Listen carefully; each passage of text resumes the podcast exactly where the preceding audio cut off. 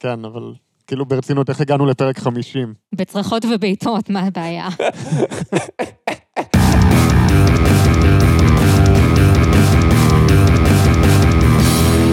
שלום לכולם, אני גל, איתי נמצאים חגי היי, וליבי. היי, למזק, למה זה קיים? המקום בו אנחנו שואלים את השאלה שהיא השם שלנו, והפעם, וכו, שתיים, חגי, וכו, שתיים.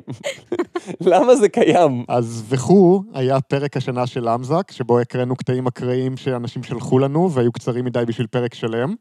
ועכשיו אנחנו עושים את זה שוב בשביל פרק 50. וואו! אז יאללה, בוא נתחיל.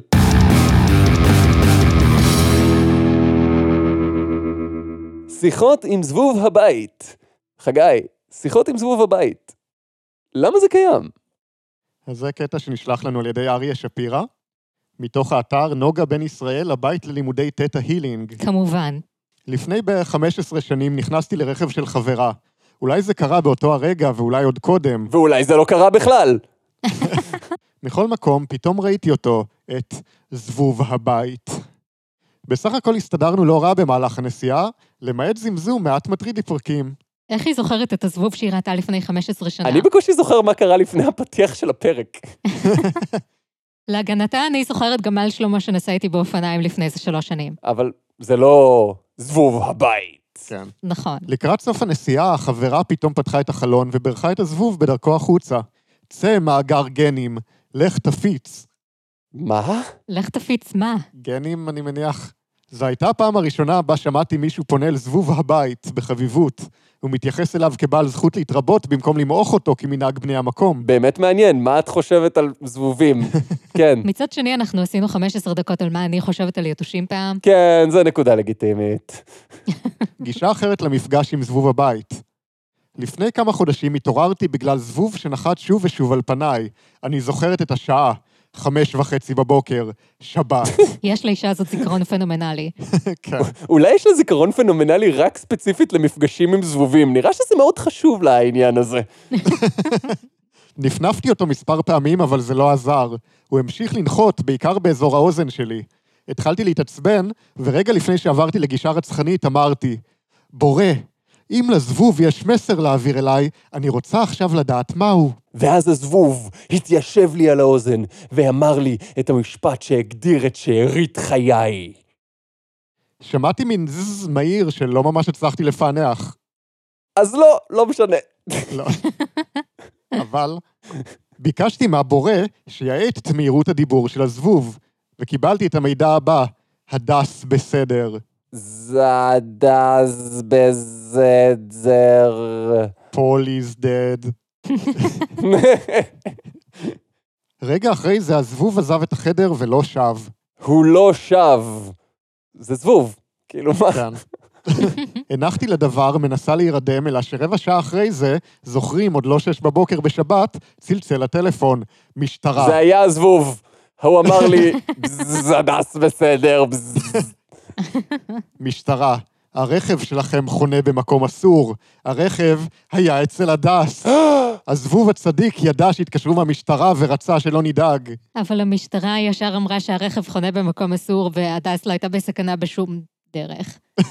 לא, מה שקרה זה שזה היה בבוקר בפסח, והדס שתתה קצת יותר מדי בערב שלפני, והיא נשארה ככה, אבל היא חנתה במקום אסור, אז בא הפקח, ומה שהזבוב רצה להגיד לה, זה שהדס בסדר. אה, אוקיי. כאילו, זה הגיוני באותה מידה. הביטוי כמו זבוב על הקיר מתאר את תכונתו של זבוב הבית להיות צופה נטול מעורבות רגשית. מה? זה מה שזה אומר. חשבתי שזה מטאפורה ללראות דבר מבלי להיראות. לא, לא, זה ספציפית על היכולת של זבובים להעביר מידע בלי מעורבות רגשית. אה, למה לא ביססנו על זה את האינטרנט אם ככה? כיצד לנהל שיחה עם זבוב הבית? למה לנהל שיחה עם זבוב הבית? היכן לנהל שיחה עם זבוב הבית? בבית. אה. מומלץ לבחור זבוב שמפגין רצון לשוחח איתכם. אחרת זה יהיה אוקוורד, והוא כל הזמן ינסה לצאת מהחלון הסגור. וואי, איזה ייבוש זה שהזבוב לא רוצה לדבר איתך. כלומר, כזה שמתעופף בקרבת הפנים שלכם ולא מרפה. אז אנחנו לא ממש בוחרים את הזבוב כמו שהזבוב בוחר אותנו. כן. האם זה סימן לזבוב שכדאי לכם לנהל איתו שיחה? כאילו, כבר מההתחלה הוא לא ממש מבין גבולות. שאלו את הבורא אם הזבוב נושא מסר כלשהו עבורכם. אם כן, שאלו מהו המסר. אם כבר מדברים ישירות עם הבורא, למה הזבוב צריך לתווך לנו? תכלס. לא, האאוטפוט הולך ישירות, אבל באינפוט הוא מעביר דרך זבוב. מה לא ברור? זה ממסר טריוויאלי. אה, זכרו כי לזבובים יש קצב חיים מאוד מהיר. 200 נפנופי כנף לשנייה הוא אחד הקצבים המהירים שיש. אה, כן? מה עם 201 נפנופי כנף לשנייה? מה עם 300 נפנופי כנף לשנייה? נמכר לאדון שמקריא את הטקסט על לדבר עם זבוב. כוונו את האוזן שלכם לתדר שיחה מהיר. תדרים! כן, זה כבר... עובר לך ליד האוזן, אם אתה מבין למה אני מתכוון. במקביל בקשו מהבורא להאט את המסר שלהם לקצב שתוכלו להבינו. אבל אז הזבוב לא יוכל לעוף. נקודה טובה. התאמנו על זה. בדומה לבני אדם, גם מבין הזבובים יש כאלה שקל לי יותר להבינם, וכאלה שפחות, אך באופן כללי, ברגע שתלמדו להבין אחד, יהיה לכם קל יחסית להבין גם את האחרים. ברור, בדיוק כמו עם בני אדם. יש כאלה שקל להבין, ויש כאלה שמסבירים לך איך לדבר עם חרק מעופף. עם זאת, זוכרים את הזבוב שתפס איתנו טרמפ מהצפון למרכז? לא, רק את זוכרת את זה. לא היינו שם לפני 15 שנה באוטו של החברה שלך. לעתים תפגשו זבוב עם ניחוחות ממקומות מרוחקים, ותצטרכו עוד רגע קט כדי להתרגל להגה המיוחדת לו. רגע, עכשיו אני גם צריך להריח אותו? יש להם מבטא, אז הם אומרים מעתיים בז. מה הגודל של הזבוב הזה שאני יכול להריח אותו ולשמוע אותו בו זמנית? אתה לא חייב בו זמנית, פעם ראשונה אתה מריח אותו, ואחרי זה אתה מקשיב. כמו עם בני אדם. בדיוק. טיפ נוסף, זבובים רבים אינם מודעים לכך שהמעוף שלהם בסביבתנו מהווה מטרד. עם זה אני מסכים, זה מדויק. אנו נדמים בעיניהם כגוליבר, שכלום אינו יכול להטריד אותו. אם תתחברו לבורא ותבקשו למסור להם שמה שהם עושים כעת מטריד אתכם, רובם יתנצלו וינועו הלאה. בסך הכל העולם הוא מגרש משחקים פתוח עבורם, ואין להם צורך להיות דווקא לידינו. כאילו, מכל הדרכים האפשריות לממסר למישהו הודעה, האם זבוב זה הדרך האופטימלית? לא יכולת לעשות איזה ענן בצורת המילים הדס בסדר? זה נשמע לי יותר אפקטיבי. ענן זה לא מספיק אישי, יש המון הדס שהם לא בסדר. אם אנשים עושים הצעות נישואים בשלט עם מטוס, אני בטוח שהדס בסדר זה מסר סביר. אז, חגי, שיחות עם זבוב הבית. למה זה קיים? כי זבובים הם עדיין דרך יותר טובה להעביר מסר מאשר הודעות קוליות בוואטסאפ. והפעם, קורונה וישויות אנרגטיות רצחניות בלתי נראות. חגי, כל הדבר הזה שאמרתי, למה זה קיים? פרק 50, מותר לעשות שכונה. אז קורונה וישיות אנרגטיות רצחניות בלתי נראות זה שם של ספר שקיבלנו מיואב פוירשטיין. הוא לא הביא לנו את הספר, הוא הביא לנו קישור לחנות שבה אפשר לקנות את הספר. אבל בגלל שיש לנו Patreon, אז עכשיו קניתי את הספר. או, אני מקווה שאתם מצטערים. תראו מה אתם מממנים. הספר נכתב על ידי סופר אנונימי שקורא לעצמו הנביא מיכאל. הנביא מיכאל. כן. זה צנוע. understatement. האנושות נמצאת תחת מתקפה. וירוס הקורונה איננו הסכנה האמיתית. הקורונה הינו כלי נשק בשימושן של ישויות אנרגטיות אינטליגנטיות רצחניות בלתי נראות. פרק 50, אתה לא מרגש אותי עם זה, בוא, תמשיך, תמשיך. ישויות אלה מסוגלות לרצוח אנשים בדרכים רבות. שיעור המוות הגבוה של חולים מעיד על היכולות הרצחניות שלהן. המדע והרפואה אינם מודעים לקיומן של ישויות רצחניות מתוחכמות ובלתי נראות אלו, ולכן אינם מבינים את התנהגות הקורונה. הסיפורים אודות מפיצי על, אשר כביכול מדביקים 80% מהחולים, הם חסרי ביסוס. מי שמדביק את החולים מעבר להדבקה הטבעית על ידי הנשימה, הם בעצם, נחשו, הישויות האנרגטיות הרצחניות? נכון. יש! כן, אתה יודע, תעבוד עליי פעם אחת, תעבוד עליי פעם שנייה, תעבוד עליי 49 פעם, מתישהו אני מתחיל לקלוט. אני אישית חווה את התקפותיהם כבר שלוש שנים, עוד מלפני פרוץ הקורונה. הם תוקפים אותנו במישורים רבים נוספים. ישויות אלה עלולות להתערב בניסויים של חברות תרופות המפתחות חיסון נגד הקורונה, ולהדביק את הנסיינים במחלות אחרות כדי לשבש את פיתוח החיסון. אני ממש מעריך את זה שעם כל התיאוריית קונספירציה שלו על ישויות אנרגטיות רצחניות שמתערבות בניסויים של הקורונה, לפחות הוא מכיר בזה שקורונה זה דבר וצריך להיזהר. כן, זה שינוי מרענן. כתבתי מכתבים בנדון לראש הממשלה, לשרים הנוגעים בדבר, ליושב ראש ועדת הקורונה, לחברי כנסת בולטים, לרמטכ"ל, לטלוויזיה ולעיתונות. לא זכיתי למענה ענייני אחד. אני הרבה יותר מעריכה את האנשים האלה עכשיו. אולי זה לא שרים הנוגעים בדבר, אולי זה שרים הנוגעים בדבר? ואז הם פשוט שלחו לו מכתב של, אתה במחלקה הלא נכונה, הקורונה זה דלת אה, שנייה משמאל. אתה רואה את שכין, אתה פונה שמאלה. אם אתה הגעת לאיבולה, אתה יודע שהלכתי יותר מדי. תשאל שמה, שרה משפעת החזירים, תעזור לך. הישויות ניזונות מאור שמש ומפרישות טיפות שקופות דביקות מעט. יש מצב שהישויות האלה הן עלים? כי זה נשמע כאילו הישויות האלה הן עלים. למה זה הדבר היחיד שמפריש טיפות שקופות דביקות מעט? וניזון מאור שמש? אה. זה די מצמצם את זה. במקרים רבים הם מפרישים את הפרשתם על האדם עצמו, על מגבת או על הרצפה, כדי להראות את הבוז שהן רוכשות לאנושות. הישויות טוענות שאין להם רגשות, הבוז לאנושות מתוכנת בתוכן. אני חשה הזדהות עמוקה. אז אם אין להן רגשות, אז אפשר לממסר את מה שהן אומרות דרך זבוב.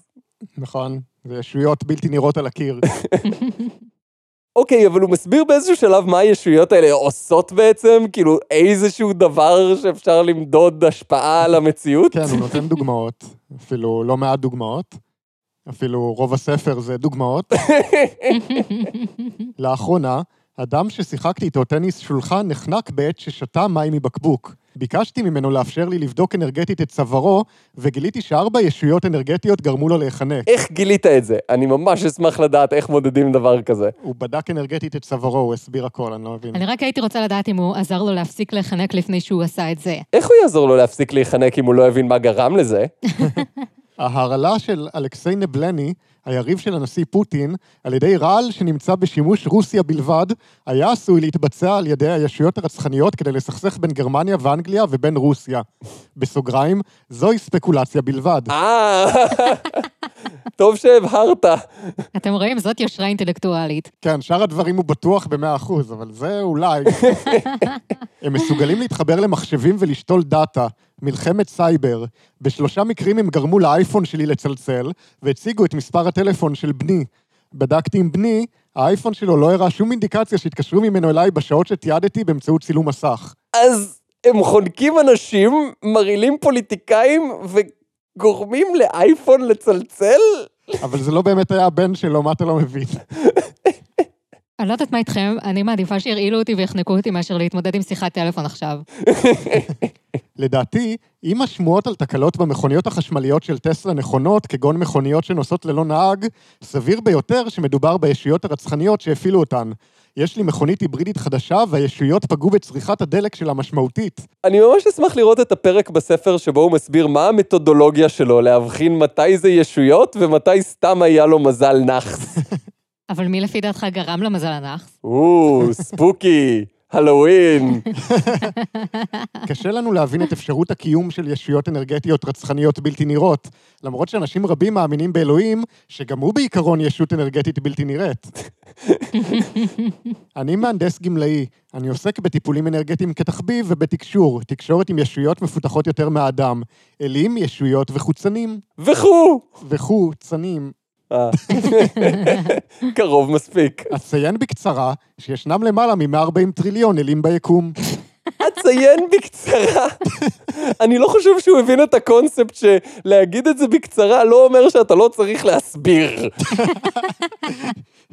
יש להם ממשל מרכזי הידוע כהנהלת האלים הבכירה, ומערכת משפטית מרכזית וגלקטית. איזה פלא שהם כל כך דומים לבני אדם. אלוהים, האל אשר הוציא את ישראל ממצרים, ממונה על ההתנהגות המוסרית של חוצנים בחמש גלקסיות, בעוד אללה, אליו מתפללים המוסלמים, היה מנהל הגלקסיה המרושע, האל החזק ביותר בגלקסיה שלנו. הבעיה העיקרית שלי עם ניסיונות לאחד את כל הדתות השונות, או את כל המיתוסים השונים, לאיזה סיפור אחד שהכל זה רק חלקים ממנו, עם כמה שאני מעריך את המאמץ לנסות לגרום להכל להיות הגיוני ונכון, הסיפורים האלה סותרים ממש. אני משמש כבר שלוש שנים כפיתיון לישויות אנרגטיות רצחניות. מאות ישויות עוקפות אותי מדי יום. האלים חוקרים אותן טלפתית, ומחשבי הלחימה שמחוברים אליי טלפתית, מחשבים את מיקומן ומשמידים את הישויות הרצחניות. אתה יודע, זה כמו השוטרים האלה שנכנסים לצ'אטים של הילדים, רק עם ישויות אנרגטיות. כן. הוא קורא לעצמו ישות אנרגטית 13. שלום ישויות אנרגטיות רצחניות בלתי נראות. אני גם ישות אנרגטית רצחנית בלתי נראית. איזה כיף זה להיות ישות אנרגטית רצחנית ובלתי נראית. ואז הוא מתחיל לספר על השיחות שהיו לו עם אלוהים. כן, זו שיחה נורא מעניינת. אני אומר משהו, ואז נוחת עליי זבוב ועונה. בתקופה לאחר גירושיי, אלוהים דיבר אליי גם באמצעות יצירת תחושות גופניות. אם אלוהים גרם לי לכאבים בכף הרגל, הבנתי שאני הולך בדרך לא נכונה. זה או זה, או שדרכתי על מסמר. ומי לפי דעתך שם שם את המסמר? או, ספוקי, או. הלואוין. פעם נתקעתי עם צמיג מפונצ'ר בתחנת דלק, והתחלתי להחליף גלגל. אלוהים הכאיב לי בכף רגלי וגרם לי לחשוב על אלטרנטיבות אחרות. רגע, חשבתי שזה אומר שהוא הולך בדרך הלא נכונה, אבל הוא עמד במקום והחליף צמיג. או, אבל ליד המקום שעמדתי הייתה משאבת אוויר. ניפחתי את הצמיג ונסעתי למתקן צמיגים בקרבת מקום. זה המקרה הראשון בו שמעתי שאלוהים שולח מישהו לפאנצ'ר מאכר. עזוב, דוד שלי יעשה לך את זה בחצי מחיר. אלוהים רצה לגרום לי לשוב לאשתי. בין השאר ניסה למנוע ממני ליהנות בגפי בריקודי ים, בערבי שירה וכיוצא בזאת. לצורך כך גרם לי לכאבים בשוק. השוק מייצגת את האידיאל של החיים, כך שהכאב בשוק ייצג עבורי פגיעה באידיאל של החיים. יכול להיות שהכאב בשוק ייצג את הצעד התימני שעשית לא נכון? פעם הלכתי להתרחץ בבריכה, ואלוהים גרם לי לכאב לב. נבהלתי ומיהרתי לקופת חולים, שם ביצעו לי בדיקות אק"ג. הבדיקות היו תקינות לגמרי. כאבים אלה נועדו לפגוע בשמחת החיים שלי, ולגרום לי לשוב לאשתי. איפה שאני לא יכול להיות עם שמחת חיים. מה קורה עם הנישואים שלך, בן אדם? בדיעבד אינני יכול לומר באופן חד משמעי שכל הכאבים שחשתי אכן נגרמו על ידי אלוהים. זאת הגרסה הכי חלשה של הטענה הזאת. לפחות הוא כנה. בתקופה שלאחר יציאתי לפנסיה בשנת 2004, היו לי מדי פעם תופעות של ורטיגו. אוי, הראש היה מסתחרר עד כדי כך שנאלצתי להחזיק בקיר כדי להגיע לשירותים ולהקיא באסלה. לרופאים לא היה הסבר לתופעה. בדיעבד הסתבר שמנהל הגלקסיה אללה שתל בראשי וברגליים מערכות מיקרוסקופיות, פצצות ואמפולות רעלים בעלות אינטליגנציה מלאכותית מסוגים שונים. אני לא מאמין שאני אומר את זה, אבל ההסבר היותר סביר כאן, זה שבתוך האוזן שלו, באזור שאחראי על שיווי המשקל, השתחררו קריסטלים. כאילו, קריסטלים זה ההסבר היותר הגיוני כאן. סוף סוף מצאנו משהו שקריסטלים באמת עושים. יש הרבה דברים שקריסטלים באמת עושים, את יודעת. רק אנחנו מוציאים להם שם רע. בתקופה זו נחשפתי לראשונה למערכות האנרגטיות המזיקות, שהן בלתי נראות אבל מורגשות היטב. האם הן מורגשות היטב? בטח, את לא מרגישה אותן? לא. ה- היטב. למשל, עכבישים בלתי נראים מפעילים אנרגיות פיתול ולחיצה חזקים על הראש, האשכים והעיניים מטרידים ביותר ועקשנים מאוד. כנימות בלתי נראות בין הנפוצות ביותר מבין המערכות האנרגטיות המזיקות. הכנימות נדבקות על פני העור ושואבות את האנרגיות. הכנימות והעכבישים עשויים להיות רגישים לחלק מהחומרים להלן אלכוג'ל ואלכוהול, סביור, טריפל דרם פלוס, דרמקומבין ומיץ לימון. בעת כתיבת שורות אלה, הרוצחים עברו לשימוש בעכבישים תת-עוריים שאינם מושפעים מאלכוהול ואלכוג'ל. הייתה תקופה בה רחצתי את גופי עם יין לבן לפני המקלחת כדי להשמיד את המערכות האנרגטיות באמצעות האלכוהול שביין. בלכתי לישון, נהגתי לכסות את ראשי בכובע אקרילי שמפריע במידה מסוימת לתפקוד העכבישים. האם הכובע הזה עשוי מנייר אלומיניום? סיפרתי לאשתי על מה שעובר עליי, והיא לא האמינה לי. פניתי לאלים שטיפלו בי, וביקשתי מהם שידברו עם אשתי ויעמדו את דבריי. במקום לדבר עם אשתי, הם טיפלו ברגשותיי, וגרמו לכך שלא יהיה לי אכפת אם אשתי מאמינה או לא. אני ממש חושבת שהוא צריך היה להתגרש. או לפחות איזה זבוב, משהו. אז, חגי, קורונה וישויות אנרגטיות רצחניות בלתי נראות. למה זה קיים? כי לא יכול להיות שסתם היה לי פאנצ'ר. והפעם, מסעות מרקו פולו. חגי, מסעות מרקו פולו. למה זה קיים? אז מסעות מרקו פולו הוא פוסט שנשלח אלינו על ידי יקיר הפודקאסט דרור רפפורט, שכבר שלח לנו כמה חומרים שהפכו לפרקים. יקיר הפודקאסט. לא, קוראים לו דרור. אה, זו הרפתקה מקורית של מבוכים ודרקונים מתוך אתר משחקי התפקידים ממלכות עתיקות. אה, מבוכים ודרקונים, D&D זה משחק, יושבים אנשים מול שולחן, יש בן אדם אחד מנהל את המשחק, הוא אומר לאנשים קורה דבר, מה אתם עושים? ואז אנשים מגיבים, יש דפים עם היכולות שלהם והמגבלות שלהם וכל מיני כאלה, והמשחק מתרחש בעצם בתיאורים של אני עושה ככה, ואומרים לי מה קורה כתוצאה מזה. זה אישור קו, אני ממש מקווה שאף אחד לא היה צריך אותו, כי אנחנו חנונים, ואנחנו מעריכים שגם אתם חנונים, וזה מקום שזה בסדר ומומלץ ונורמלי להיות בחנון. אז sorry. אז זו הרפתקה, שזה בעצם תסריט למשחק שנכתב על ידי שליט המבוך, שבמקרה הזה הוא כנראה בן 14. שליט המבוך, Dungeon Master באנגלית, DM או שהם, זה בעצם הבן אדם שמריץ את המשחק, יש לו את התסריט או ההרפתקה, והוא בעצם אומר לשחקנים מה קורה מתוך העלילה שהוא הכין מראש, והם מגיבים וחיים בתוך העולם הזה וחיים את הסיפור בזמן שהוא קורה. ממש מגניב, אגב, אם לא ניסיתם, זה מומלץ. כן, ואני מקווה שאף אחד לא ייתן למה שחגי אומר בפרק להרוס לו. באופן כללי בחיים, כדבר. בהרפתקה החבורה צריכה לעזור למרקו פולו להגיע לסין ולעבור דרך מלא ארצות וסכנות. עד כאן סבבה. ההרפתקה מתחילה כשהחבורה יושבת בפונדק באיטליה, ורואה הופעה של זמרים וליצנים טורפדורים, דרגה 4-5. טרופדורים? כאילו, אני יודע שיש טרובדורים. לא, לא, בטקסט כתוב במפורש טורפדורים. ליצן אחד הוא בעצם רוצח נוכל דרגה 6, הוא מנסה לרצוח איש בקהל עם התקפת פתע בפיגיון. ואז יש קרב נגד הליצנים והטרופדורים, והחבורה צריכה להצטרף לעזור לאיש, או שהליצנים והטרופדורים מתקיפים אותם. בסוף הקרב, האיש אומר לחבורה ששמו מרקו פולו והוא נוכל טוב דרגה תשע. הוא התלהב מאיך שהם נלחמו ורוצה שהם ייסעו איתו למסע לסין, לסחור, לקנות חפצי קסם וללמוד שיטות קונג פו ממלך סין, קונגפוציוס, מלך הקונג פו. אתה מכיר את קונגפוציוס? עד כאן נשמע כמו התחלה סבירה למשחק. קונגפוציוץ. קונגפוציוס, מלך הקונג פו, זה מדהים. עם שם כזה מה עוד הוא יהיה. קונגפוציוס מלך הפלאפל. מרקו פולו מבטיח לחבורה משכורת 2,000 זהב בחודש לכל אחד, ומותר לשמור חפצי קסם שמוצאים בדרך. עכשיו צריך לקנות אונייה. הוא שולח את החבורה לנמל לבחור אונייה, והוא ישלם, אז הוא כזה נותן להם כרטיס זהב, שזה כמו ישראכרט שלו, ואומר שישלמו עם זה על אונייה. איך האומנות מחקה את החיים, ללקק את אצבעות. זה יפה שיש כרטיס זהב שהוא כמו ישראכרט. מה זה אומר בעולם פנטזיה, כאילו? תראה, מה שקורה זה שאתה לוקח את הכרטיס הזה, והוא מזהב, והוא של מרקו פולו, ואתה הולך איתו למקום או בית עסק שאתה רוצה ככה לקנות איתו משהו. ואז מה שקורה זה שאתה צובר נקודות, ואז בסוף החודש אתה יכול לקנות איזה חופשה בחו"ל או משהו כזה, זה נחמד. כן, עד שאתה מגיע לבית מרזח שמקבל רק אמריקן אקספרס. יש שלוש אוניות לבחור, אונייה ויקינגית, אונייה בריטית ואונייה רומאית. לא משנה מה בוחרים, זה אותו דבר, אבל יותר יפה ככה. או, האמת שיש כמות מגוחכת של דברים שעובדים בדיוק ככה במשחקים האלה, כי נותנים לך את התחושה שאתה יכול לבחור, אבל בגלל שזה לא משחק מחשב שאתה יכול לחזור אחורה, אז אתה אף פעם לא תדע במה לא בחרת, אז אין סיבה לכתוב שלושה דברים. זה כמו בחיים. כן, בנמל בארץ האונים צריך לקנות גמלים למסע דרך המדברים. מרקו אומר, עכשיו החבורה צריכים לקנות גמלים מהמשכורת שלהם. יש ארבעה סוגים של גמלים.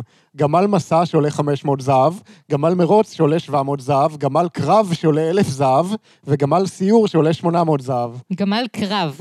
כן, למה שמישהו לא ייקח גמל קרב?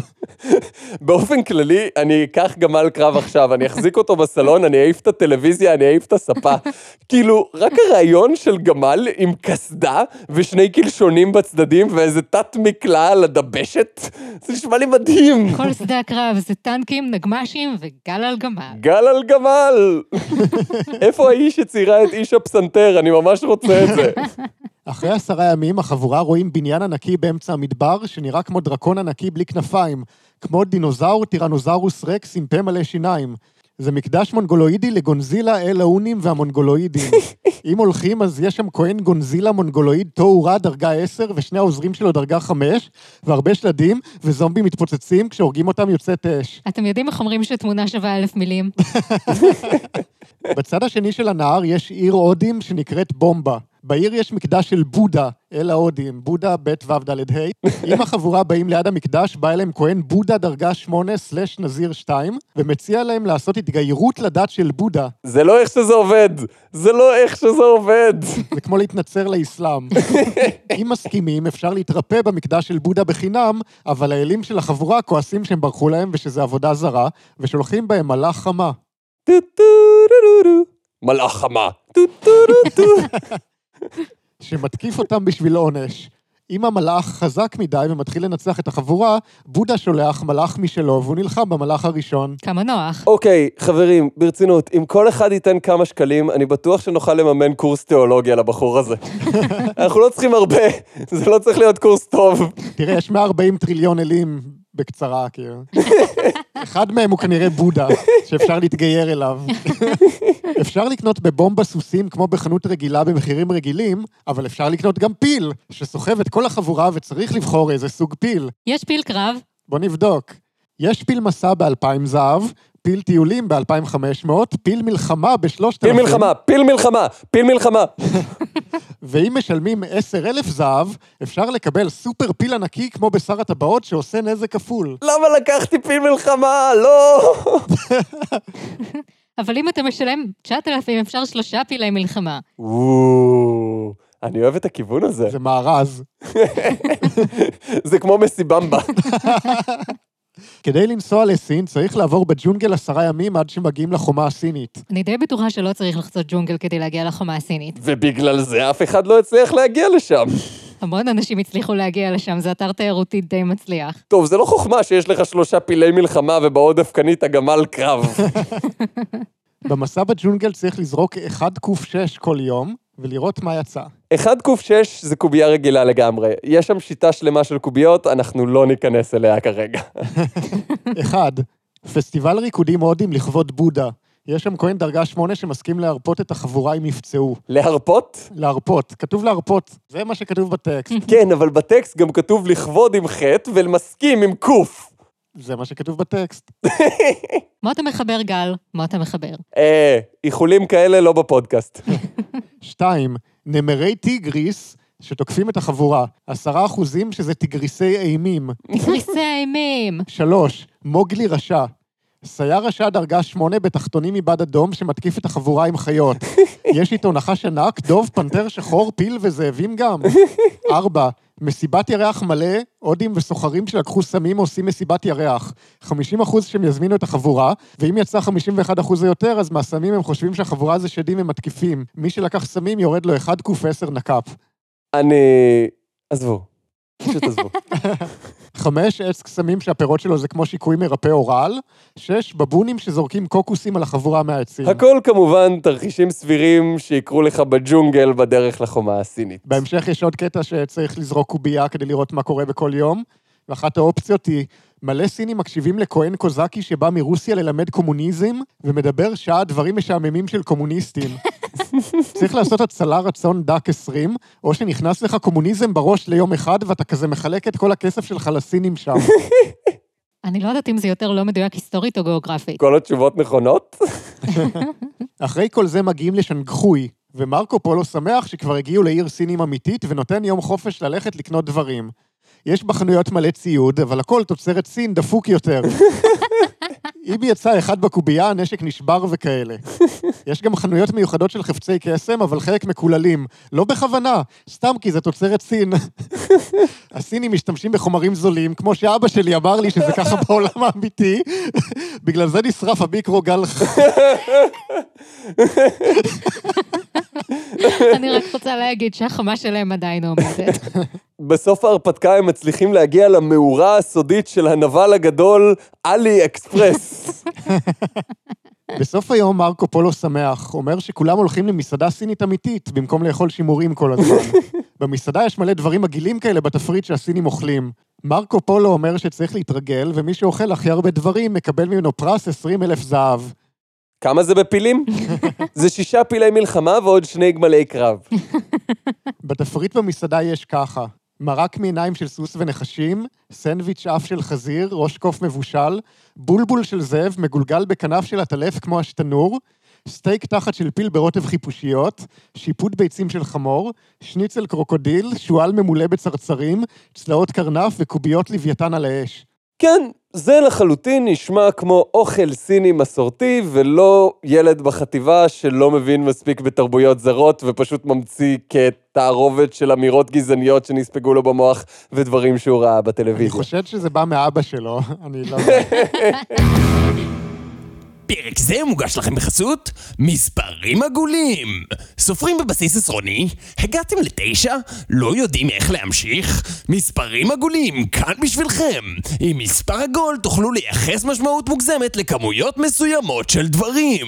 אז אל תישארו עם פתרונות נחותים כמו משבר גיל 37 או 98 שנים של בדידות. הרימו את הטלפון כבר עכשיו וחייגו 1 0 0 0 0 0 0 0 0 3 מספרים עגולים עד 120 בתוך פקין יש ארמון של קונקפוציוס שנקרא העיר האסורה.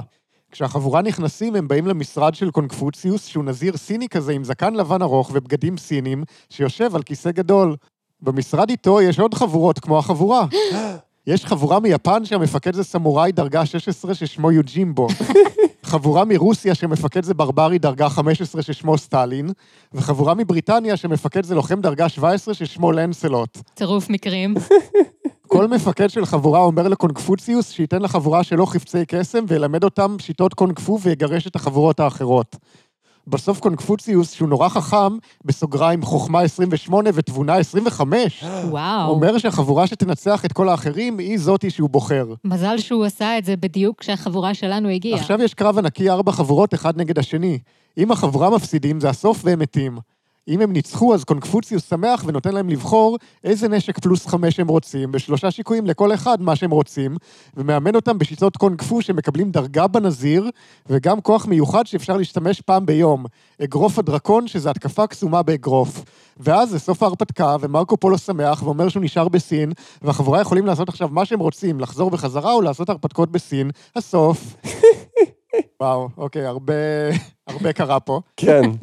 כאילו, עם כמה שהסיפור הזה הוא מוגזם וגדול וגזעני, אה, אפשר לשים לב שבין הגזענות לסטריאוטיפים, יש איזשהו משהו שאני לא יכול להאשים את הילד בן ה-14 שכתב את זה, כי כאילו, בסופו של דבר זה משהו שהוא ספג מהחברה, הוא סופג את הסטריאוטיפים באופן כללי ואת הסכמה של הסיפור באופן כללי, וזה איזשהו ניסיון אמיתי ליישם את כל הקלישאות והגזענות שפשוט באים אליך באופן טבעי מהחברה הגזענית שאתה חי בה. אני חושב שאתה מנסה להגיד פה משהו, אני לא יודע מה. אני לא גזענות, יודע דעות קדומות על מה סטריאוטיפים אתה מדבר. אבל לא כל גזען בעולם למד את זה מאבא שלו ומהסביבה שלו, ואז הוא צריך לחשוב עצמאית. כן, אבל גיל 14 זה בערך הנקודה שבה מתחילים לחשוב עצמאית על הדברים האלה, אני מניח. זה או זה, או שאתה מוצא את עצמך בגיל פנסיה, מתלונן על ישויות רצחניות בלתי נראות שעושות לך פאנצ'ר בגלגל.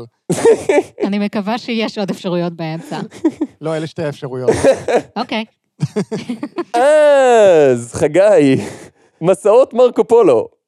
למה זה קיים? כי כמו שאומר השיר, שניים סינים עם כינור גדול, גלגל אחד ק"ש ותראה אם הם תוקפים אותך. אה, זה היה פרק 50 של למזק, פרק היובל. זה לא יאמן שהגענו עד לכאן. וואי, תכלס. אגב, תודה לכל מי ששולח לנו כל הזמן חומרים, כי יש עוד מלא דברים שלא השתמשנו בהם עדיין, ויהיו לבחו שלוש. או לפרקים מלאים. גם, כן. כן, יש הרבה דרכים ליצור איתנו קשר, הודעות בפייסבוק זה משהו שנראה שאנשים בעיקר הולכים לכיוון שלו, אבל תכלס, כל מקום שמופיע למטה בתיאור של הפרק אתם מוזמנים לשלוח לנו, אנחנו עונים. אה, וחבל, לנו, כי זה נגמר בעוד פרק. כן, כל פעם שאנחנו חושבים שסיימנו עם זה. אז תודה לכולם, ותודה במיוחד לקרין שלטיאל, שבאופן די מדהים שלחה לנו מתנות אישיות עם מכתבים ממש מרגשים לרגל הפרק. כן, היא שמה לנו מחוץ לבית שקית עם קפקייקס, ספר על חיות, עמוד קומיקס שלם של אמזק שבו היא ציירה אותנו. האמת שזה לא מפחיד בכלל, ובכלל לא קריפי. Uh, סתם, את נהדרת ואנחנו אוהבים אותך. Um, ואני קיבלתי גם מכתב מרגש ושליש, כלי הנגינה שליש, שלטענתה הוא כלי הנגינה הלמזקיסטי ביותר. אכן למזקיסטי. Uh, אני רוצה להשמיע לכם שנייה את השליש.